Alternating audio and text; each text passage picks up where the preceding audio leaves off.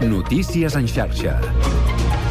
Bona tarda, són les 4. Us parla Mercè Roura. El president Pere Aragonès ha admès avui al Parlament que no pot aturar el Hard Rock com demanen els comuns i els ha demanat que no llencin per la borda 2.400 milions d'euros per fer avançar el país en referència als pressupostos. Per tant, hem de llançar els pressupostos per la borda directament perquè l'altra majoria per tombar aquest projecte que vostè diu no és possible amb l'actual Parlament de Catalunya, d'acord amb el que s'han posicionat tots els grups, hem de desmeixar els pressupostos com això?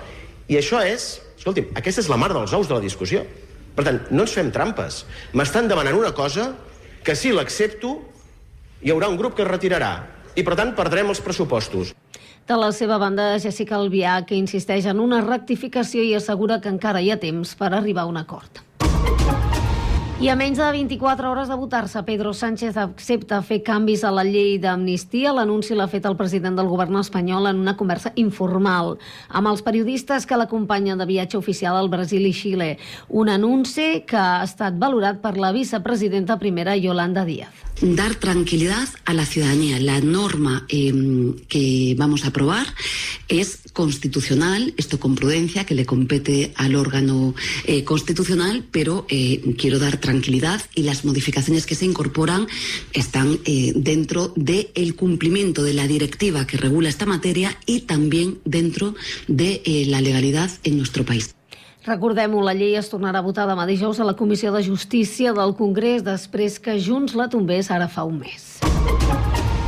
I l'Audiència Provincial de Madrid ha ordenat aquest dimecres la detenció de l'activista Dani Gallardo, condemnat a 4 anys i mig de presó per manifestar-se contra la sentència del Tribunal Suprem sobre l'11 d'octubre a la capital de l'Estat. La justícia havia donat una setmana a Gallardo per presentar-se voluntàriament a la presó, cosa que no ha fet, tal i com ha informat el, el tribunal, se li aplica ara la crida i cerc. I el Consorci de l'Espai Natural de les Guilleries Sabassona ha informat que a partir d'aquest dissabte i fins al dia 28 d'abril es restringirà l'accés de vehicles a l'àrea de l'esplai del Pantà de Sau en cap de setmana. La sequera històrica que viu el Pantà ha despertat molt interès i es vol regular l'afluència. Els visitants hauran de fer una reserva prèvia i pagar 5 euros per cada vehicle i 2 per cada motocicleta. En total hi ha 70 places per vehicles i 20 per motocicletes i 2 per vehicles de mobilitat reduir l'acampada i la pernoctació estan prohibides i els diners recollits a la taxa es destinaran a sufragar el cost del personal informador i les accions per mantenir i conservar aquest espai protegit. És tot de moment, tornem d'aquí una hora.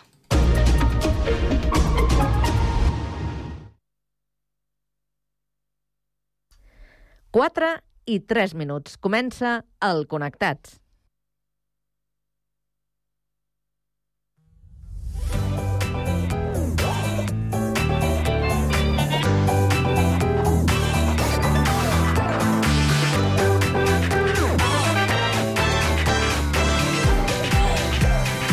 Connectats amb Carme Reversa.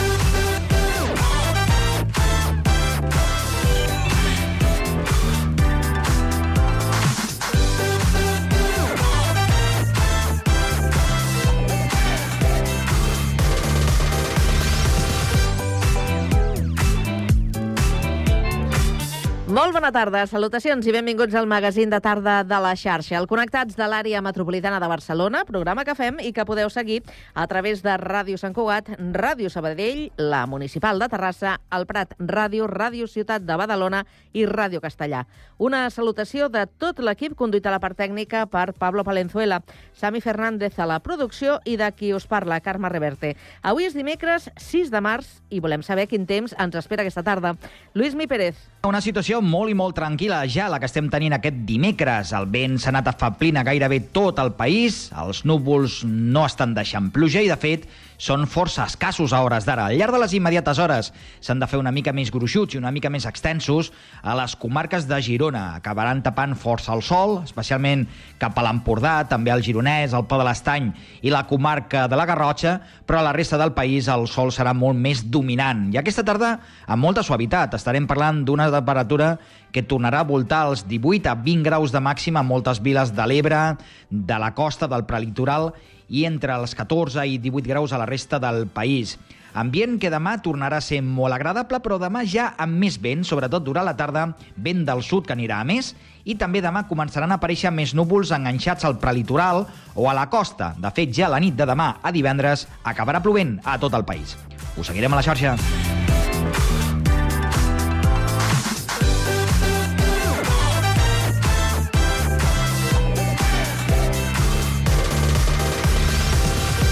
Avui al Connectats parlarem de micropigmentació i pròtesis de mugró. Parlarem amb la pretenca Raquel Fernández, que va patir una mastectomia i ara ajuda altres dones. Acabarem eh, la primera hora amb la tertúlia generalista per analitzar la proposta de la ministra Yolanda Díaz als restauradors per tancar eh, més d'hora. I també parlarem de la creació d'un nou partit encapçalat eh, per eh, Clara Ponsatí i Graupera.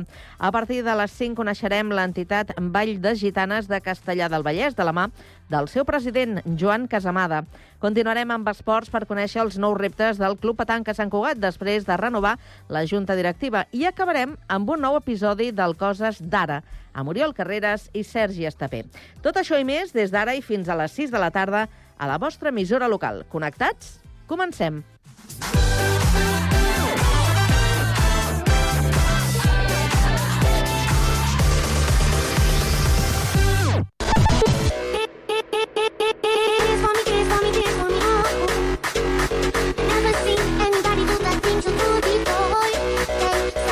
Connectats, una experiència radiofònica a Sabadell, Terrassa, Sant Cugat, El Prat, Castellà i Badalona.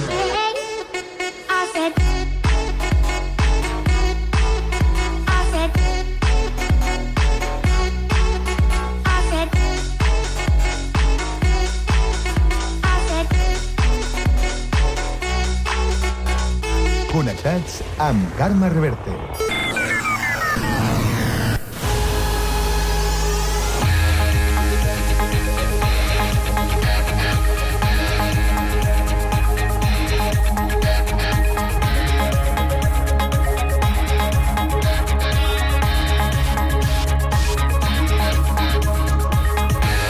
Quatre de la tarda i 7 minuts. Ens actualitzem i ho fem amb la ronda d'actualitat que obrim avui també per Terrassa. Sergi Estapé, bona tarda. Bona tarda. Terrassa lamenta la pèrdua del fotògraf Ramon Massats, un dels referentisme del nostre país, que va morir dilluns als 92 anys a Madrid i que va estar molt vinculat durant anys a la ciutat agarenca, on ha deixat una empremta indeleble de la seva història fotogràfica.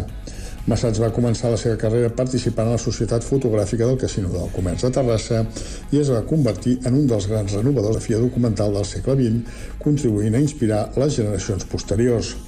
De novembre de 2021 a febrer de 2022, la sala Montconill va acollir la retrospectiva On tot va començar, com a reconeixement a l'obra de Ramon Massats, que va ser figura clau, com dèiem, a la Societat Fotogràfica del Casino del Comerç de Terrassa. La mostra revisitava la trajectòria de Massats des dels inicis a Terrassa fins a les seves últimes imatges en color, destacant l'estreta relació amb la fotografia. Nascut a Caldes de Montbui l'any 1931, Massats entenia la fotografia com una forma de saborir la vida i transformar el món, convidant a la reflexió crítica i al compromís social. Gràcies, Sergi. Seguim el repàs de l'actualitat ara des de Sabadell. eh, Pau Duran, bona tarda. Bona tarda. Augmenten les penes dels acusats pel crim de les bessones de Can Llong. La d'Isaac Gil i la Pilar Vázquez, autor i coautora de l'assassinat, passa de 17 a 20 anys. La de Dolors Vázquez, coautora amb agreujant de parentiu, de 20 a 23.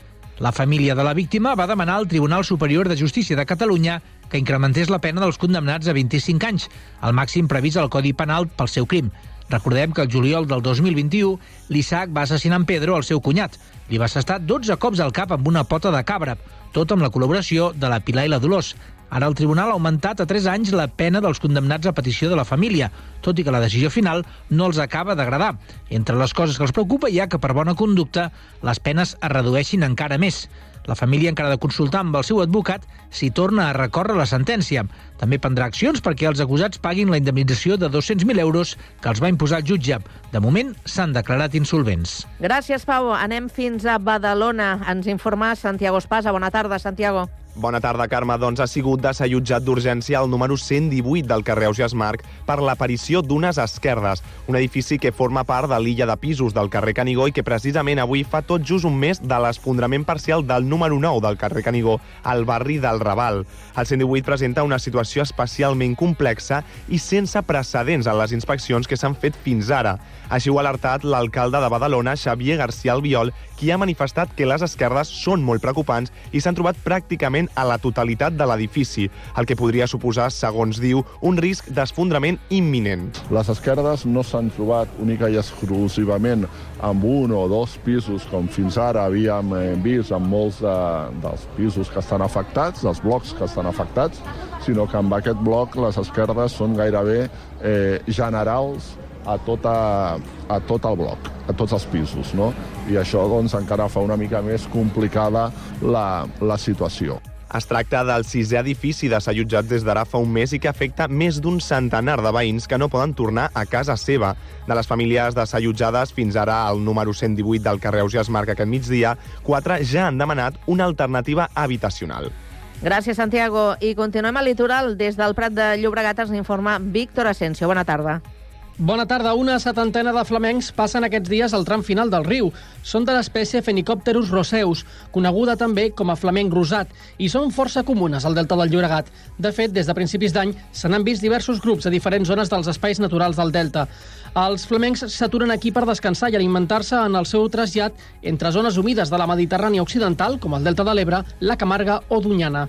Els viatges dels flamencs entre aquests grans espais humits no són una migració fixa i limitada en una època de l'any en concret, sinó que es produeix de forma regular. Per això es poden veure flamencs al Delta del Llobregat en qualsevol època de l'any. Els ocells viatgen de nit i s'aturen a descansar de dia. Com que es reprodueixen en grans espais humits propers al delta, els individus que acostumen a veure's al Llobregat no estan en edat de reproducció. Aquestes aus destaquen per la seva alçada, d'entre 110 a 150 centímetres, i també per la seva coloració rosada que els dona nom. De fet, aquesta espècie aquàtica, com moltes altres espècies de flamencs, obtenen el seu color de menjar petits crustacis microscòpics, ja que originalment tenen les plomes blanques. Gràcies, Víctor. Tornem a, novament al Vallès i ens quedem a Castellà. Guillem Plans, bona tarda. Bona tarda. S'ha descobert una gran concentració de restes arqueològiques a Castellà del Vallès, concretament a la primera intervenció arqueològica oficial que s'ha fet a Sant Feliu del Racó. Ha permès conèixer els períodes visigot, ibèric i alt medieval.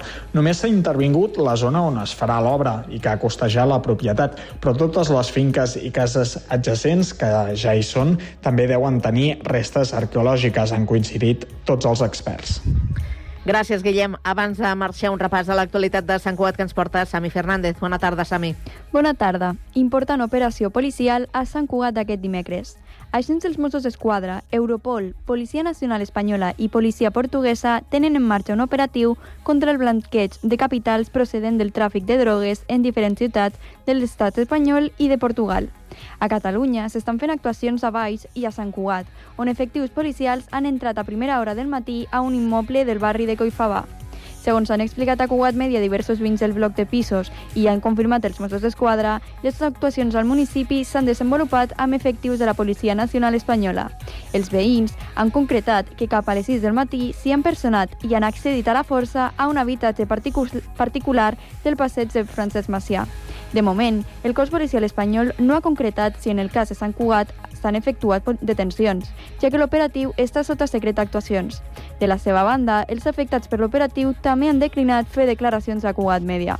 En el cas de les actuacions a Baix, dins del mateix operatiu, s'han produït tres detencions. Tot i això, segons s'han informat els Mossos d'Esquadra, la previsió és realitzar més d'una vintena de detencions i una decena d'entrades en total. Per part dels Mossos d'Esquadra hi participen uns 150 agents, entre investigadors, Arro i Seguretat Ciutadana. L'operatiu continua en marxa.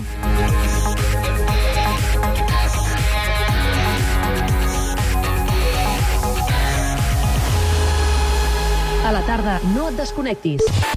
A la teva ràdio local, connectats. Can't touch this. You can't touch this.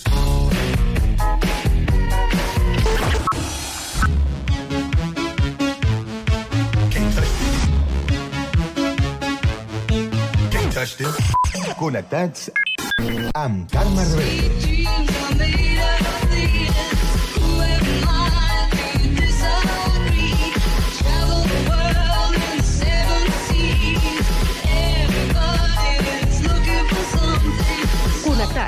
Una experiència radiofònica a Sabadell, Terrassa, Sant Cugat, El Prat, Castellà i Badalona.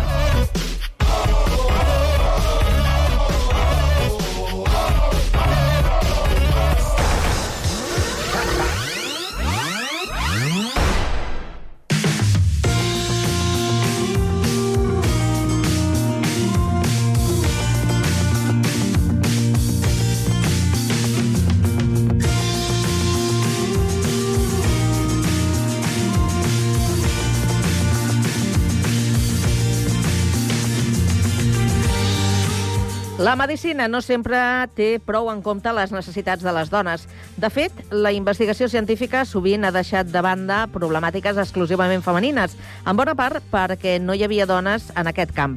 Segons s'hi ha anat eh, incorporant, s'ha abordat la salut de les dones d'una forma més específica, però encara hi ha moltes mancances. Un exemple el tenim amb les mastectomies, operacions que afecten el pit de les dones i que poden tenir repercussions en el benestar eh, emocional de les pacients. Avui repassem una iniciativa que vol donar resposta a dones que han perdut un o dos pits i que amb la reconstrucció mamària no recuperen la seva imatge prèvia a l'operació. Per això marxem fins al Prat. Isa Gonzalo, bona tarda. Bona tarda. Després de patir un càncer de mama i, en conseqüència, una mastectomia, hi ha moltes dones que tenen la necessitat de veure's com abans de passar per aquest procés. Aquest va ser el cas de la Raquel Fernández, que va decidir crear unes pròtesis de silicona mèdica d'areola i de mugró, a les quals va anomenar Duna. Per parlar d'aquesta iniciativa ens trobem amb la Raquel. Bona tarda. En primer lloc, explica'ns per tothom qui ens està escoltant què la micropigmentació i en què es diferencia també d'una altra tècnica com són els tatuatges.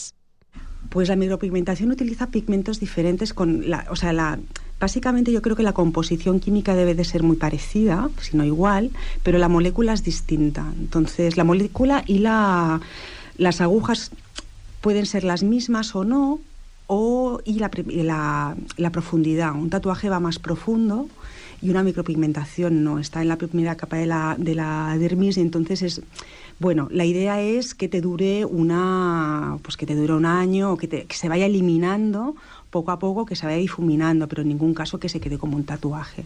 Un tatuaje, si no lo eliminas con un láser, no lo puedes eliminar. Explica'ns eh, en quin moment vas apropar-te al tema de, de les pròtesis de, de mugrons, eh, què és el que va passar per dir, ostres, aquí no hi ha res, no? Ningú ha pensat en aquestes dones que passen un, un procés de càncer de pit i que després potser et reconstrueixen una part del pit, però al mugró no es fa aquesta reconstrucció, amb la qual cosa visualment és molt impactant per a aquestes dones. Sí, sí. Además tiene un efecto psicológico muy importante porque a mí cuando me dijeron la palabra, la palabra, eh, dije, ostras, es verdad. Cuando me dijeron, claro, es que es que es una mutilación, es que estás, tú te ves mutilada. Y pensé, qué fuerte, pero es que es verdad, es que es así. O sea, tu, tu visión de, de, simetría desaparece de un día para otro, porque la operación es de un día para otro. A mí lo que me sucedió es que cuando cumplí los 50, yo entré en los 50 por la puerta grande, entonces eh, cuando los cumplí me llegó la carta de, de- del, del sistema de la seguridad social que tenemos de, de prevención del cáncer de mama, cumples los 50, te mandan la carta y entonces, eh, bueno, pues te hacen mamografía y tal. Y yo fui y triunfé, porque nada más eh, ir, pues ya me lo detectaron, ¿no? Era un cáncer ductual in situ, estaba en un conducto del canal de, de la leche, entonces eran como lucecitas, era un estadio cero, que dentro de lo que es un diagnóstico de cáncer es el mejor, todos deberían de ser estadio cero, porque ahí sí que se puede hacer una, una, una prevención muy, muy muy temprana, ¿no? Y eso evita pues que incluso tengas que hacer tratamientos de quimioterapia, radioterapia o que sean mucho más cortos, solamente preventivos, ¿no? Y bueno, pues mm, súper bien atendida, muy rápido todo además. Aquí tenemos un el tema del ICO, funciona muy, muy, muy bien. Y la cuestión es que en- al cabo de un mes yo ya estaba mm, operada, estaba en casa, estaba ya, lo teníamos todo listo, ¿no? Y sí que es verdad que, que la medicina está muy enfocada y así debe de ser en curarte. Claro. Porque cuando te dan un diagnóstico de cáncer tú piensas que te vas a morir y eso sí que deberíamos de empezar un poco a cambiarlo porque es verdad que, sobre todo en el cáncer de mama, que es tan mayoritario, hay muchos, muchos, muchos avances y la cosa no tiene nada que ver ahora que hace cinco años, que hace diez, no tiene nada que ver. Pero aún así es un diagnóstico que te, que te cambia la perspectiva de la vida y te cambia tu día a día de un día para otro, ¿no? Y todo eso da mucho miedo, mucho miedo. Entonces, bueno, una vez que todo eso está superado y que, y que tú estás operada y tal, y que las heridas se han curado, está lo que queda. Y entonces lo que queda es que tu imagen corporal está totalmente distorsionada, porque además el tema de- del pecho tiene una, un componente cultural muy fuerte, muy, muy arraigado además, ¿no? Es, pues el tema de la, va, va totalmente unido a la lactancia, va, es un símbolo de la feminidad de la mujer, es muchas cosas que de repente las pierdes.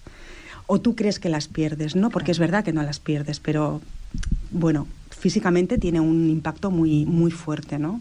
Yo, de hecho, estuve eh, muchos meses sin mirarme en el espejo, ¿no? Porque a pesar de que mi reconstrucción fue muy, muy bien, hicieron un trabajo maravilloso, pero, bueno, el pezón no se puede recuperar. Entonces, eh, en el mundo de la medicina, lo único que, te, que hay, digamos, es una reconstrucción de pezón que lo que hacen es una serie, es una, eh, es una operación ambulatoria, te hacen una serie de cortes y eso, bueno, pues queda como una especie de garbancito de piel y luego se micropigmenta y te da la sensación como de volumen. Porque sobre todo yo lo que quería era el volumen, o sea, yo no quería un dibujo, no quería un trampatojo.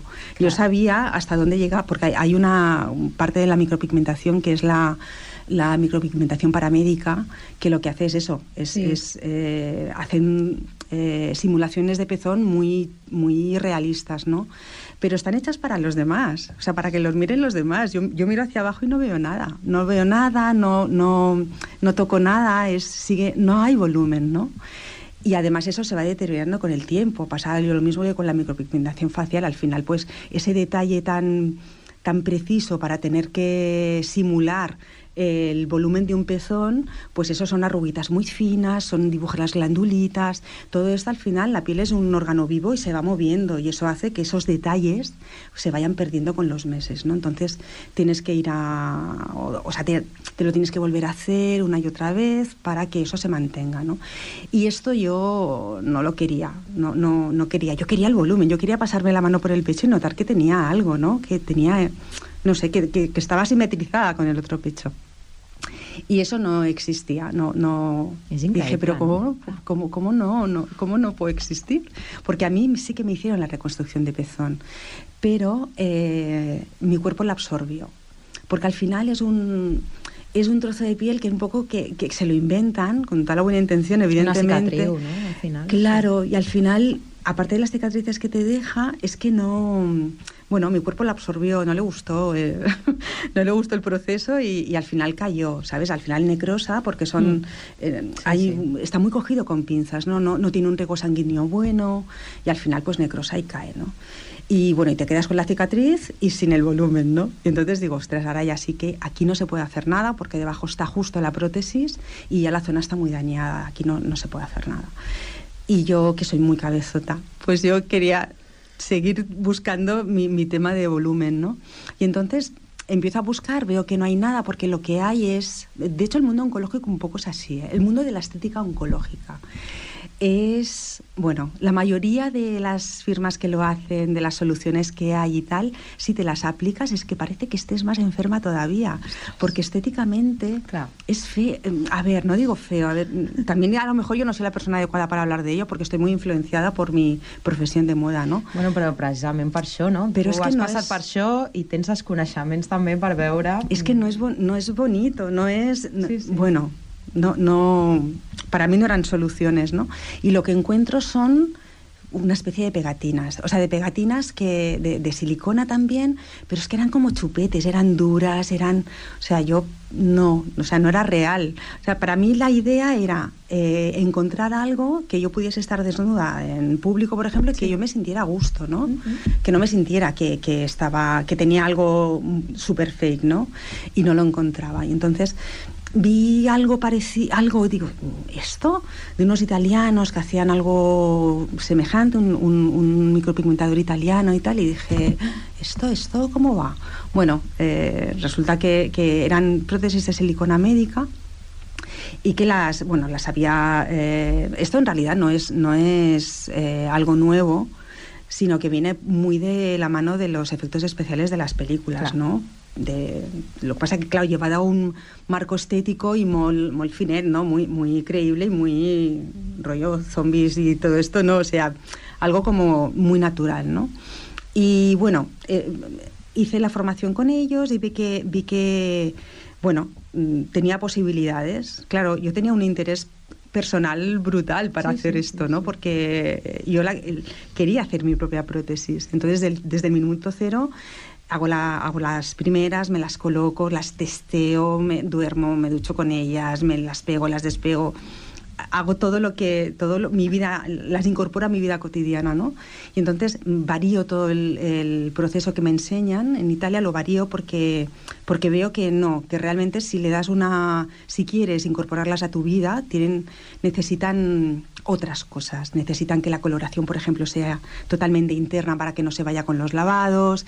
Necesito que sea, que los bordes sean muy finos porque yo quiero que no se note a simple vista. Y los bordes eh, que a mí me habían enseñado son mucho más, más mm, gruesos. Bueno, una serie de cosas que, que hace que esté bueno, pues continuamente investigando a ver eso cómo lo puedo cómo lo puedo cambiar, ¿no? Y aparte el hecho de ser mujer, esta persona, por ejemplo, que es un hombre, pues no tenía la misma, el mismo punto de vista que una mujer, no tiene nada que ver, ¿no? I que una dona que ha passat per això, no? Claro, es, eso es, que no, no te vale Més cualquier motivació que cosa. aquesta. Claro. Y entonces cuando por fin logro hacer la mía, eh, y, y- y empiezo a, a ver el efecto que tiene, sobre todo psicológico, primero de simetrización y de, de que tú te miras en el espejo y te ves, es que te ves, te ves completa, ¿no? Es, es- es- eso, el, el- el mazazo que te da en la cabeza es brutal porque mm, a pesar de que tú te la puedes quitar y poner cuando tú quieras, la puedes llevar también pegada con un adhesivo de grado médico, la puedes tener pegada como siete días, ducharte con ella, mm, hacer deporte, aguantar sudor, el mar, eh, natación, todo. Pero yo quería eh, desvincularlas del, del adhesivo, ¿no? Porque el adhesivo... Mis prótesis tienen un, un- un, eh, contorno muy finito para que se fundan con la piel y el adhesivo como que las podía deteriorar, ¿no? Y aparte es que con el calor corporal reaccionan muy bien, o sea, se quedan pegaditas y, y realmente a no ser que, que a lo mejor tengas, pues no sé, pues una, una actividad física muy vigorosa, pues a lo mejor ahí sí que, que si quieres mayor seguridad sí que la, está bien que las pegues, ¿no? Si quieres. Pero yo las pegué el primer mes para comprobar y luego ya no las he vuelto a pegar nunca. Y ahora estoy investigando también y haciendo pruebas porque, bueno, si bien no entiendo que hay mujeres que, que quieran más seguridad, pero como yo no quiero que entre el adhesivo en medio, eh, estoy viendo cómo hago un sistema de imanes para poder eh, que quede sujeta con mucha seguridad, pero que sin que intervenga ningún químico más, ¿no? Quant de temps eh, portes en aquest desenvolupament i com t'està anant? Perquè jo et vaig descobrir per les xarxes socials, eh, Atelier d'Una, que si no ho hem dit encara, després eh, us enllaçarem també al nostre Instagram tot plegat, però es tracta d'una xarxa que censura els mugrons de dones i que tu has de posar totalment eh, no, en gairebé cada publicació que això són pròtesi, perquè és que sembla incomprensible. Y lo tienes, además que, o sea, no las puedo posicionar en piel. O la- las puedo posicionar en piel, pero tengo que tapar el, el pezón con el logo o con una florecita o con... Porque lo- está censurado el pezón femenino en Instagram, que no el masculino, es que es muy fuerte. Però t'han arribat a censurar que estiguin Me a han la mà? avisado. o T'han avisat? Me han avisado y me ha dicho, "Mm, tu contenido no cumple con la normativa. No, no sabes cómo, cómo hacerlo llegar, ¿no? A, entre esto y que luego además a nivel médico no, no lo conoce nadie porque no, no, no- es que no lo conocen. Entonces no, no puedes eh, buscar una cosa que desconoces que existe, ¿no? Entonces es ahí como, ¿qué hago, no?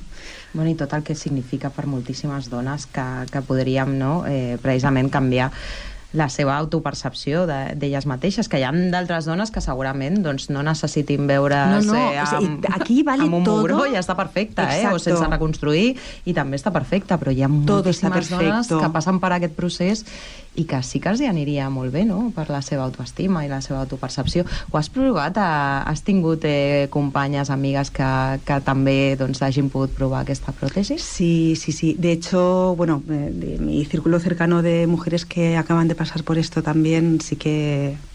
Bueno, yo cuando tengo conocimiento, además, la, se, se lo ofrezco, ¿no? Le digo, Claro. oye, cuando tú estés preparada, porque es verdad que no siempre estás en ese punto, ¿eh? Porque hay. eh, cuando tienes. Cuando digamos que te reconstruyen, pero luego hay un proceso muy, muy largo detrás y muy doloroso también, ¿eh? porque si haces una quimioterapia, por ejemplo, el tema del pelo, por ejemplo, es muy importante y muy incapacitante. Hay mujeres que lo llevan muy bien, pero bueno, es duro, es duro verte sin pelo de un día para otro, verte sin pestañas, sin cejas. O sea, tu rostro cambia totalmente. es- es- estás muy alterada toda tú, ¿no? Y no piensas en que una solución así te puede ayudar. Que hay mujeres que sí, ¿eh? Porque hay mujeres que incluso se lo, se lo ponen. Tenía una clienta, por ejemplo, que se lo ponía con el expansor.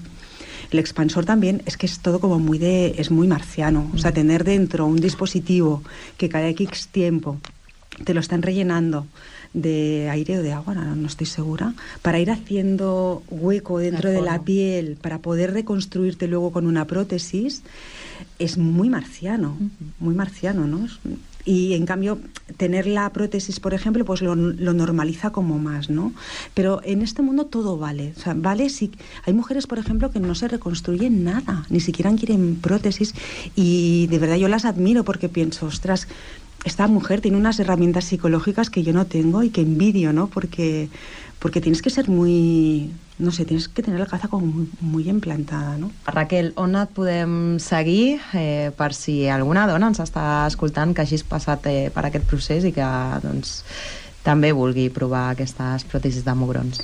Pues ahora mismo estoy haciendo la web, pero en Instagram, en la cuenta arroba guion bajo, ahí sí que, eh, bueno, pues está toda la información, está mi WhatsApp también o mi teléfono y yo estoy, bueno, eh, eh, totalmente encantada de que me llamen o me pregunten y poder hablar sin ningún tipo de compromiso de nada, simplemente pues para, pues para acompañar y para en un momento dado, si tienen curiosidad o podemos quedar y verlas, que ellas las toquen, se las prueben y cuando estén preparadas, si lo deciden así, pues, pues adelante, pero si no, no pasa nada, o sea, todo está bien.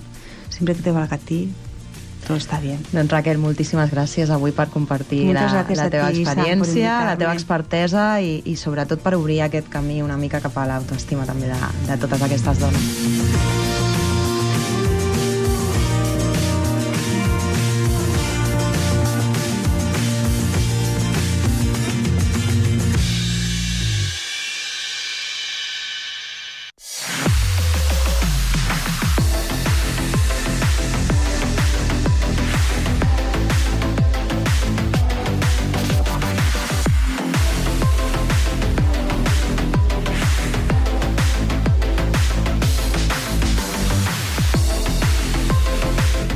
3 minuts de dos quarts de 5 de la tarda i ara és moment per a la tertúlia. Un espai d'opinió que avui el compartirem amb el Manel Dobanyo, que és escriptor i el tenim al Prat. Manel, bona tarda.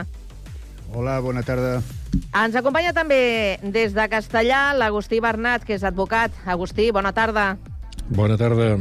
I el Toni Fernández, tècnic de gestió cooperativa i empreses d'economia social des de Badalona. Toni, bona tarda. Hola, molt bona tarda. Bon temps, no? Arreu, mm, diríem que sol generalitzat i a l'espera que canvi el temps, com sembla que han pronosticat, no? De moment és així? Sí. Sí, sí, sí. Aquí, aquí a Castellà jo m'he agafat ara... Sempre agafo una jaqueta i, oye, m'ha sobrat. L'he tingut que deixar al cotxe, perquè realment fa calor. A Badalona igual, eh? Sí, també, Badalona no? igual. Sí, I al Prat. I al Prat també. Bé, Sí. doncs aquest és el panorama, eh? però no us confieu perquè diuen que a partir de demà tot això canvia. A veure si, si és veritat. A l'espera que això es produeixi, anem a analitzar quina és la, la situació, l'actualitat a, a, a casa nostra i us proposo parlar d'aquesta proposta que fa la vicepresidenta i ministra de, de Treball espanyola, la Yolanda Díaz, que eh, proposa que bars i restaurants, doncs, eh, per tal de conciliar, que puguin conciliar els seus eh, treballadors, doncs eh, no pleguin tan tard, no abaixin la persiana a altes hores de, de la matinada. I aquí ha començat una mica la, la polèmica, no només amb el sector, sinó també amb alguns eh, altres representants polítics, com és el cas de, de la senyora Ayuso. Eh, pel que heu pogut eh, escoltar, el que heu pogut llegir i el que sabeu, estem parlant d'una qüestió de paternalisme o una qüestió de drets. Què us sembla a vosaltres? Vols començar, Agustí? Sí, serà un placer. Vinga. És que eh, quan, quan ell... Eh, a veure, quan vaig tenir notícia d'aquesta proposta, a veure, és que les reaccions poden ser diverses. O sigui, per una banda, agafar-t'ho ja amb ironia o amb humor negre, perquè realment s'ha de, de, de tenir molt poca, molt poca feina per fer una proposta d'aquest estil. I, a més a més, tal com l'ha desenvolupat la senyora, és allò de dir, escolti, vostè de tant en tant surt al carrer o què?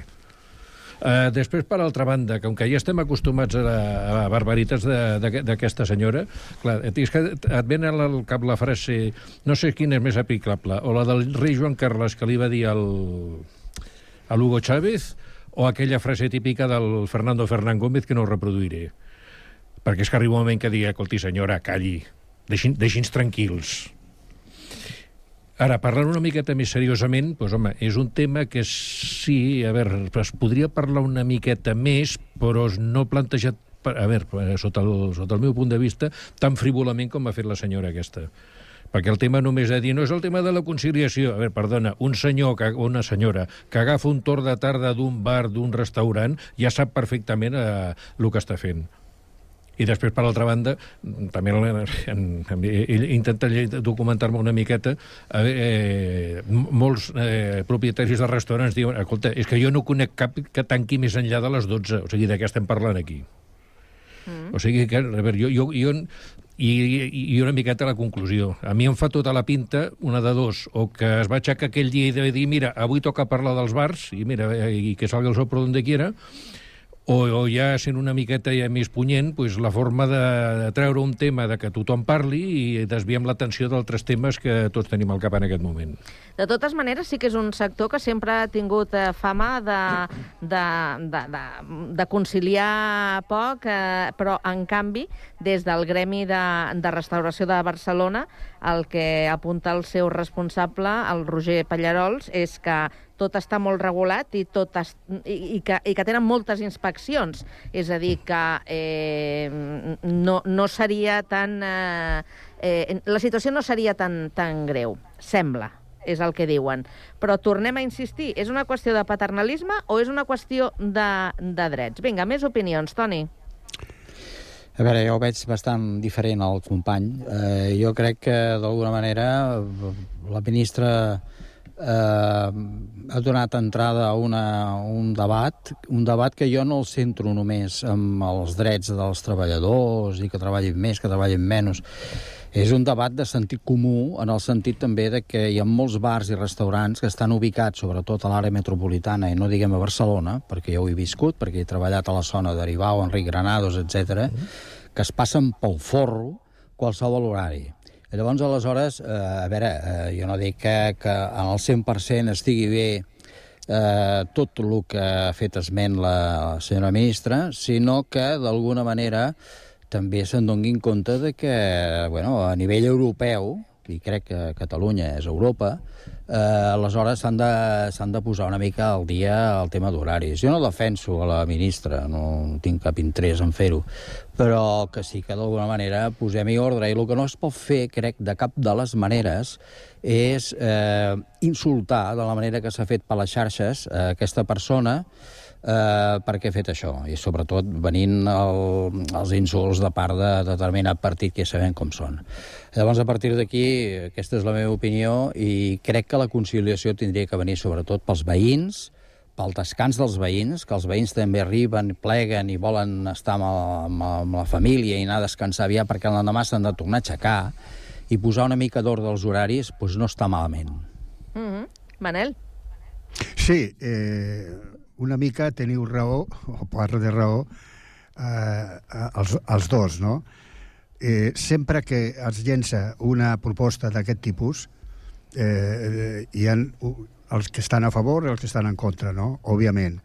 El que sí s'hauria de regular a partir d'aquesta provocativa, diria jo, eh, proposta que ha fet la ministra, la, la viceministra, eh, no, vicepresidenta, Vicepresidenta, sí. doncs eh, de, a partir d'aquesta de màxims arribar una mica a un consens que seria el més raonable amb el sentit d'evitar aquests, eh, aquelles zones de, de, de pobles, de ciutats, de barris que estan concentrada tot el que és, el que és la marxa nocturna i que d'alguna manera provoquen el que eh, s'acaba de dir que els veïns eh, tenen problemes de convivència amb aquestes eh, eh, horaris de, de, de, de, de, de zones d'oci i que realment s'hauria de nivellar una mica el tema, no? Però penseu, clar, és que aquí ja eh, po es poden tenir molts punts de vista en funció des de, des de on ho volem focalitzar. Eh, però, eh, així com apuntava, per exemple, el president del, del Gremi de Barcelona, eh, penseu que aquesta és una, és una mesura que podria perjudicar el sector i a l'economia? Totalment. Totalment. Ja, ja, això ja va passar amb el tema de la, de la pandèmia, quan aleshores es va centralitzar tot en el món de l'hostaleria. Els, anys, el, els mesos posteriors a que va començar a aixecar-se el, el fre a la, a la seva activitat, un cop que la, la pandèmia ja anava cap a menys, mm, a veure, jo he viscut professionalment autèntics drames. Aleshores, ara, tornar a ficar el dit a l'ull aquest sector I, I a més que és, és curiós un, un tema, perquè heu incidit tots dos en el tema del o sigui, de lo que, de lo que seria l'oci nocturn, de lo que és les molèsties als veïns, que és un tema, però és que la ministra de Treball, a part de que ficar-se en això no és de la seva competència, i aleshores sí que és per dir-li, senyora, dediquis a lo seu, sí que estaríem aleshores amb el famós tema de les condicions laborals que tenen aquesta gent que treballen en aquest sector en hores eh, fins i tot fora d'hores, que això sí que s'hauria de regular. Però és que, a més a més, la primera qüestió que s'hauria de fer, a veure, si, si, si vols, llanç, si vols eh, començar a llançar un globo sonda d'aquests, informa't. Perquè, clar, la, prim la primera cosa que diu la senyora vicepresidenta no és que jo he parlat amb, els, amb, el, amb el sector, he parlat amb els patronals i, i al final he tret aquestes conclusions. I han sortit totes les patronals dient, senyora, que vostè no ha parlat amb nosaltres. O sigui, primera qüestió, a veure, si vol, eh, eh, efectivament, si volem fer un debat, fem-ho seriosament. Parlem amb tots, escoltem a tots. I a partir sí, d'aquí que... traiem. Sí, sí, I efectivament, que... i, i, com, i com molt bé esteu, esteu dient tots dos, hi ha un problema afegit del tema de, de conciliació amb, amb el veïnat, amb la, amb la gent que no és estrictament del sector. A veure, analitzem-ho. Crida aleshores als ajuntaments, crida a les comunitats autònomes. Però, clar, de moment, tal com ha, tal com ha llançat la proposta, doncs ja et dic, mm, molt seriosa no la trobo. Manel. Que té, que té recorregut, segur, però a hores d'ara amb, amb pinces. Vinga, som-hi. Manel. Sí, no, és que a partir d'ara, precisament, insisteixo, a, a, a, que, amb el fet de que s'ha d'arribar a un, a un punt d'acord a partir d'aquesta, podrien dir, provoca, provocadora proposta, doncs arribar a un acord a partir d'aquí, que, que no sigui una, una, com sempre, ni de màxims ni de mínims, i que sigui una cosa raonable, no? I aquí està la qüestió. I parlant amb tothom. Eh, en primer lloc, amb, amb el sector de l'hostaleria, eh, amb, amb, el, amb els veïns, etc. No? En, ca, en cada cas, no? Una normativa que d'alguna manera eh, insisteixo, eh, hi ha zones, ja parlo de, la, de, de, de, de llocs concrets de Barcelona, que és el que més eh, ens pertoca, però que realment a cada lloc eh, de matinada hi ha sorolls, hi ha problemes, hi ha les famoses terrasses que estan al carrer ara que ve eh, la primavera i, i, i que després vindrà l'estiu, i el tema turístic, etc etc. Tot això està una mica desbocat i s'hauria d'implementar algun tipus de, de mesura o de norma eh, per d'alguna manera regular tot això. És complicat, ja ho sé, que és molt complicat, sobretot amb, una, eh, amb un país amb un gran potencial turístic, que aquí està la clau, que realment eh, bueno, eh, és, és allò de morir, de morir de- d'èxit, no? que és el que hem de- d'evitar. Però no perdem de vista el que algú de vosaltres ja ha apuntat, el tema de les condicions laborals, perquè aquí eh, ens hem referit a la proposta de la ministra, eh, ens hem referit a la resposta del Gremi de Restauració, però i els treballadors? Sí, sí, els treballadors és una de les, de les potes importants de, de lo que la, la vicepresidenta planteja, no? Eh, Dedueixo jo, no? Clar. No estic al seu cap de que hi ha unes condicions laborals de, dels cambrers, de, dels treballadors, de, dels cuiners, etc. no? De tot el gremi tan poderós com és el gremi de l'hostaleria i que realment eh, hi han casos de, que jo diria fins i tot d'explotació laboral, no? I aquí està la qüestió. Mm. Toni, vols apuntar alguna cosa més? No, no, jo em reitero amb el que havia dit abans. Eh, penso que és una qüestió problemàtica, que eh, s'escapa molt el tema de frivolitzar. Esclar, hi ha determinats bueno, comunitats autònomes, com per exemple la de Madrid, no? que viuen, que viuen d'això, de tindre obert les 24 hores, i a mi em sembla correcte, eh? I llavors que la senyora Ayuso pues, eh, posi el crit al cel en contra la ministra, perquè a més a més és comunista, vull dir, aquestes històries que fan servir també la gent del PP, llavors aleshores, eh, a veure, centrem, no? centrem el tema, com ha dit el company, mirem quines parts estan afectades aquí, no només els treballadors, sinó els horaris, la gent, els transaunts i fins i tot, evidentment, els veïns. Eh, no es pot frivolitzar i és un tema que, eh, evidentment, que durant la pandèmia ha estat, eh, no va dir una paraula, però no la dic, el tema de l'hostaleria eh, pues, eh, molt a sobre, no? I s'ha anat matxacant-los i s'ha anat prenent drets que la millor tenien. Tot això està molt bé, però altres sectors també ho han passat. I llavors aquests altres sectors que també ho han passat, eh, doncs, bueno, s'ha acabat el, han tancat empreses. Jo he tancat empreses per, per temes de, de, de, de la Covid i tot això, empreses cooperatives, que és el sector on estic, perquè no han pogut resistir també. Eh? No només són els senyors d'hostaleria i hotels, etc. Vull dir que eh, tots hem de fer una reflexió en general i veure què ha passat i què tenim. I en aquest cas, doncs, bueno, si un membre del govern, d'aquest govern, diu això, doncs vindrà un altre d'un altre govern i un altre disbarat. O sigui que mm, el que hem de fer és centrar els problemes i veure que no tot és blanc ni tot, tot és negre. Eh? Mm. Si us sembla... És que, i, per- perdona un Digues, segon, digues, Toni, és que aleshores, aleshores me, me l'has posat per, perquè remati de cap. Digues. I si, per, I si per aquelles coses de la vida resulta que es fan totes les reunions i, i és que el problema és que no hi ha ningú problema, algú ha fet un ridícul espantós. No ho sé, això... O sigui, jo, per, no, per, això, per això et Home, dic... però, però problema deu haver-hi, des de que, No, sí, que un ha dit una cosa i l'altra. dir. Mm, no, no, no, home, des del començo- govern es diu una cosa, des de determinades comunitats i diferents Començo, ta- mira, alcaldies. tinc els, tinc els meus No seriosos sé. dubtes, però, però no, ara no té importància això. Però és que el fet que has dit, has, has eh, comentat el tema de Madrid. Jo fa cosa Sí. d'un mes vaig estar a Logroño.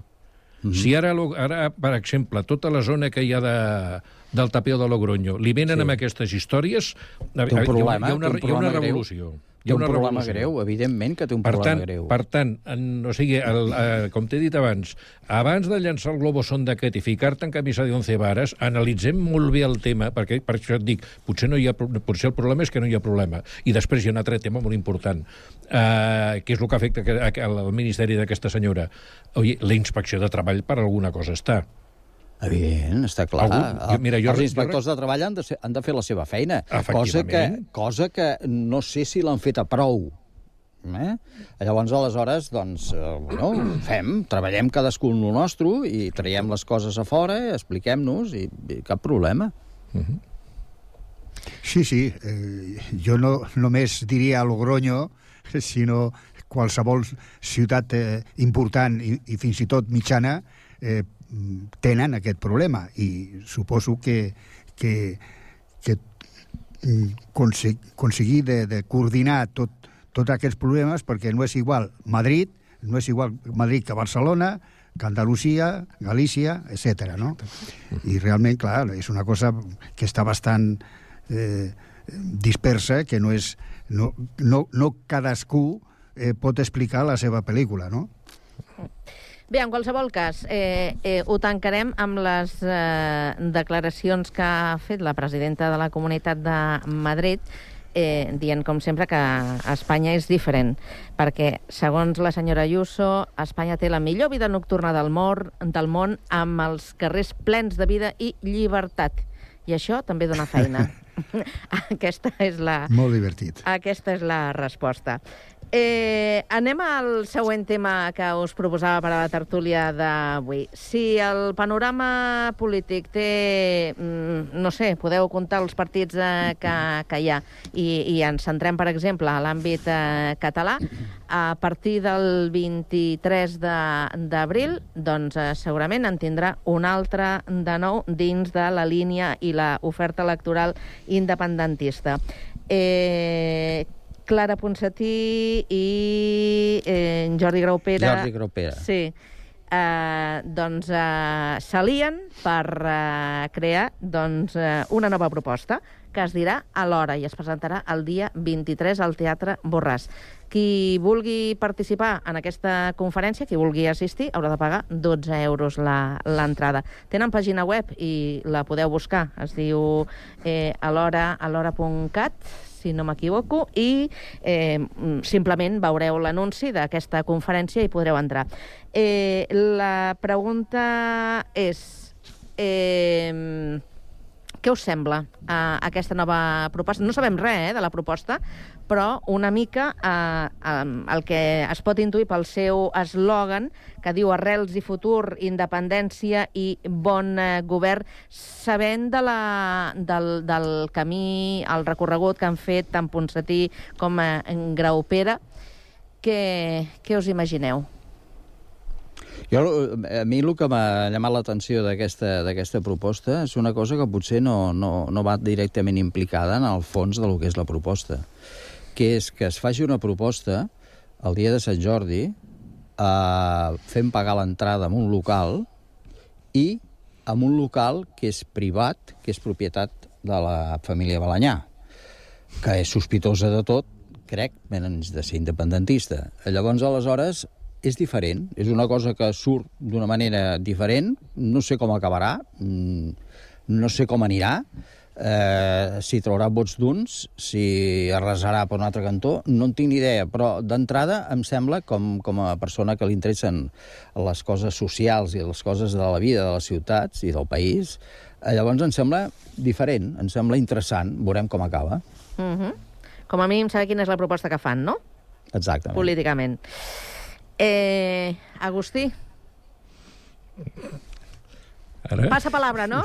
No, no, no, no, no. Ah, no, ah, no a pensava. veure, pod, pod, pod, eh, podria, per motiu que diré ara, però, a veure, eh, estic totalment d'acord amb el que acabeu de dir. Eh, primer escoltem, aviam què és el que té, que, que té, ha de proposar, perquè a veure, totes les idees són benvingudes i tot el que pugui aportar novetat i, i pugui i pugui ser innovadors per a, pel moment que estem vivint, perfecte. Ara, particularment, oye, ni me va ni me viene, amb tota sinceritat. El món independentista, oye, ja s'ho faran, literalment ja s'ho faran, uh, ara que surt un altre... qüestió- Ah, això és qüestió d'opinions. No, no, Clar, no, no. sí, sí, no, ja dit- evidentment. ja t'he Tu pots dit- Evidentment. No, no, i a, partir, a partir d'aquí, pues, oye, benvingut sigui, uno más, i no sé què vol... És que no... Doncs li, no- li deixem el torn al no, Manel, no, tinc una, no? no tinc una opinió tan positiva. Vinga, Sí, Manel. jo en la, po en la poquíssima informació que tinc al respecte, molt poca, a banda de, de saber que el dia 23 d'abril, efectivament, és Sant Jordi, eh, a banda de tot això, la meva deducció immediata és de que, eh, donades les actuals circumstàncies polítiques mm, del país, doncs eh, s'hauria d'inventar alguna cosa, i aquesta cosa és el que la Ponsatí i companyia han posat en marxa per veure una mica el diagnòstic de com està la situació mm, política, bàsicament, a Catalunya, i quin és el, una mica el pla de treball I dedueixo que la cosa va per aquí, no? que s'havia bu- buidat una mica la, les il·lusions de la gent que està doncs, ficada amb el tema, amb aquest tema, i que realment doncs, eh, hem d'estar a la guai aviam què és, què és el que ens explicaran, no? Mm. Hauria de ser una proposta que realment es diferenciés substancialment de la resta de partits eh, independentistes? Perquè si no serà un mes. No? Home, en- en- entenc que sí. Entenc que si presenten això, aquestes dues persones, que vull dir que tindran alguna a dir diferent. Entenc. Ara, veurem. No, no, no sé pas. La senyora Ponsatí fins ara ha estat a Brussel·les, a, el Jordi Graupera va fracassar, diem, entre cometes, amb el tema de l'Ajuntament de Barcelona. Uh -huh. Uh, no sé, veurem, veurem. Uh, jo són dues persones que els hi tinc respecte. Ara bé, mm, s'ha de veure quines conclusions treuen i què diuen i qui més hi ha implicat, perquè no crec que només siguin ells dos. No, no, evidentment. Evidentment. I fins que no es faci la posada en escena i la presentació i els arguments eh, que, que voldran eh, compartir, evidentment tampoc eh, no sabrem qui, qui s'hi suma. El que també està per veure és si aquesta nova proposta eh, servirà per, eh, per accedir, per presentar-se a les eleccions eh, europees o, o bé eh, amb una mica més de temps ja al Parlament de, de Catalunya, les eleccions del Parlament de Catalunya l'any eh, que ve. Eh, L'Agustí deia una proposta més, eh, mm, doncs vinga, eh, sumem, sumem una de nou, però això inevitablement acabarà a, afectant a, als partits ja tradicionalment eh, eh, independentistes. Ho anirem anal analitzant perquè encara ens falta molta informació i veure com eh, reaccionarà tota, tota aquesta banda. Ho hem de deixar aquí, no ens queda més temps. Manel, Agustí, Toni, moltíssimes gràcies per eh, compartir aquesta estona de conversa amb el, amb el Connectats. Que vagi molt bé la tarda. A vosaltres. Que A vagi vosaltres. molt bé. Bona tarda. A. Adéu-siau.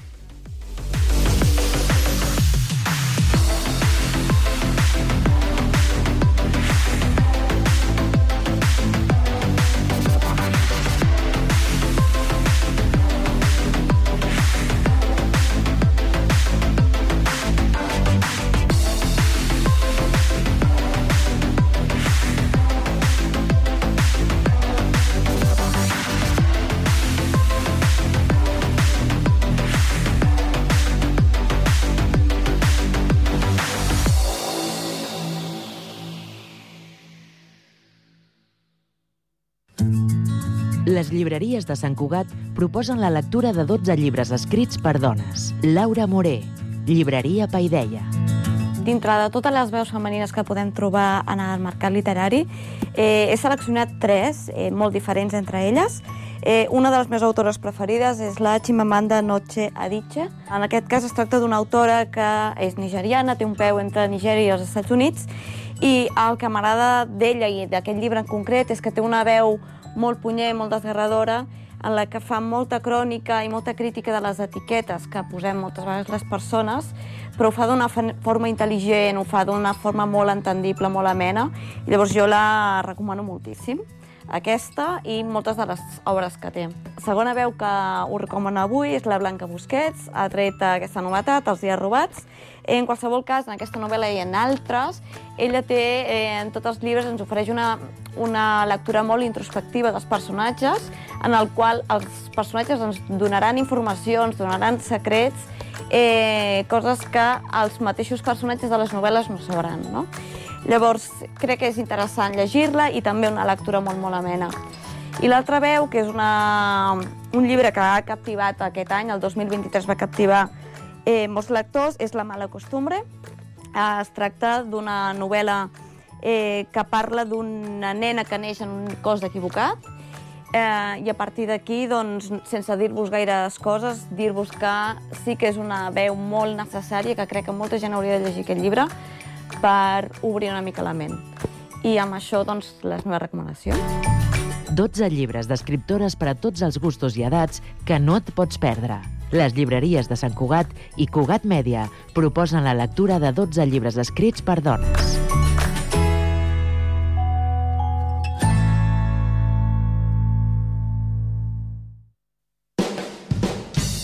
Sabor autèntic i natural, amb garantia d'origen, el trobaràs a Carnisseria Sagarra. Des de 1960 treballem per portar els millors productes a la teva taula. Carns i aus de primera qualitat amb totes les garanties sanitàries. Carnisseria Sagarra. Qualitat, servei i professionalitat en carns, plats preparats i amb tots els nostres productes. Som al carrer Francesc Moragas 13 i en Davallada 22 de Sant Cugat del Vallès. Ara també pots fer la teva compra online a www.cesagarra.com.